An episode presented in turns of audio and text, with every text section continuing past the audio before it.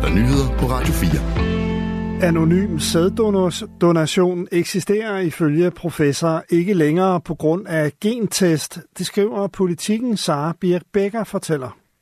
Anonym sæddonation har i mange år gjort det muligt for mænd at donere sæd til sædbanker og hospitaler med vidsthed om, at donorbørn og familier ikke vil kunne finde frem til dem på et senere tidspunkt. Men det sætter moderne hjemmetest en stopper for. Det siger Mikkel Heide Schiup, der er professor i bioinformatik ved Institut for Molekylær Biologi og Genetik ved Aarhus Universitet. Med den teknologiske udvikling og med den lette tilgængelighed har DNA hjemmetest og diverse genetiske databaser de facto afskaffet muligheden for at sikre anonymitet for sæddonorer, siger han til politikken. Ved hjælp af tjenester som MyHeritage, 23andMe og Ancestry kan alle og enhver, og altså også donorbørn, indsende et mundskrab med DNA-materiale til virksomhederne. Her sammenlignes DNA'en med de mange millioner af brugere, som allerede har indsendt data. Og har en bruger, som er i familie med sæddonoren, sendt sin egen DNA ind, ja, så vil donorbarnet få et match. Tjenesterne giver derefter et bud på, hvilken familiær relation der kan være tale om, og derfra er det via sociale medier ofte ikke svært at finde frem til donoren. Russiske luftangreb har i nat dræbt mindst to personer i de ukrainske regioner Odessa og Kharkiv. Det oplyser de ukrainske myndigheder, skriver AFP. Myndighederne i Odessa har oplyst, at russiske droneangreb har beskadiget flere lejlighedskomplekser i havnebyen. Bystyret i nordøstlige Kharkiv oplyser, at et droneangreb har ødelagt flere køretøjer og beboelsesejendomme.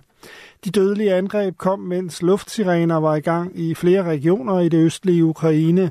Ifølge opgørelser fra FN har krigen kostet mindst 10.000 civile livet i Ukraine. Det vurderes desuden, at næsten 20.000 civile er blevet såret.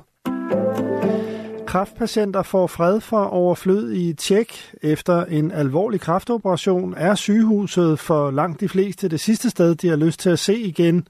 For endetarmskræftpatienter på Aarhus Universitetshospital er det derfor godt nyt, at opfølgningen efter deres operation fremover kun handler om patientens behov for kontakt.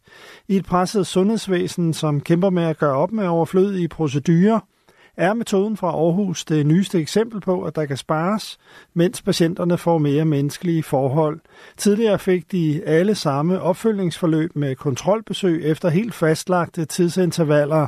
Nu kan patienterne i stedet følge med i en app, siger sygeplejerske og lektor Therese Jul ved at have al den information, de har brug for i appen. Øh, det handler om senfølger og tegn på tilbagefald, og hvornår de skal møde ind til forskellige øh, opfølgninger, øh, hvad hedder det, kontrol, for eksempel CT-scanning. Så har de den information, de skal have, og de kan gå til den på de tidspunkter, de har brug for det, og de kan kontakte os på det tidspunkt, hvor de har brug for det. Sverige får ikke kritik for koranafbrændinger i en FN-rapport. Det fremgår af en rapport fra FN's specialoperatør for religionsfrihed, skriver det svenske nyhedsbureau T. T. Specialrapportøren besøgte Sverige i 10 dage i oktober for at mødes med repræsentanter fra regeringen og myndighederne.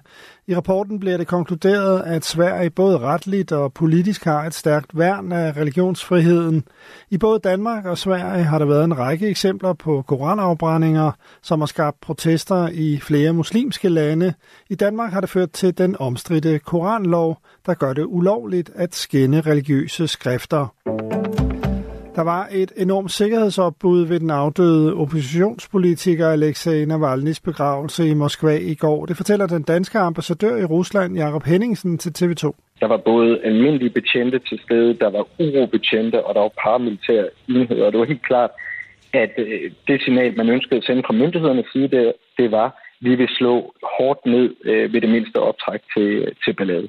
Navalny, der tidligere blev kaldt Putins værste fjende, blev 47 år. Tusindvis af støtter var mødt op foran den kirke, hvor ceremonien fandt sted for at vise deres støtte til den afdøde politiker.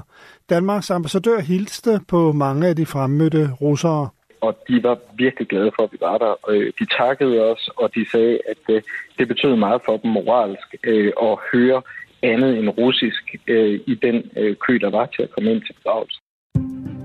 Mest skyde og diset, senere regn fra sydøst fra 5 til 10 graders varme. Det var nyhederne på Radio 4 med Henrik Møring.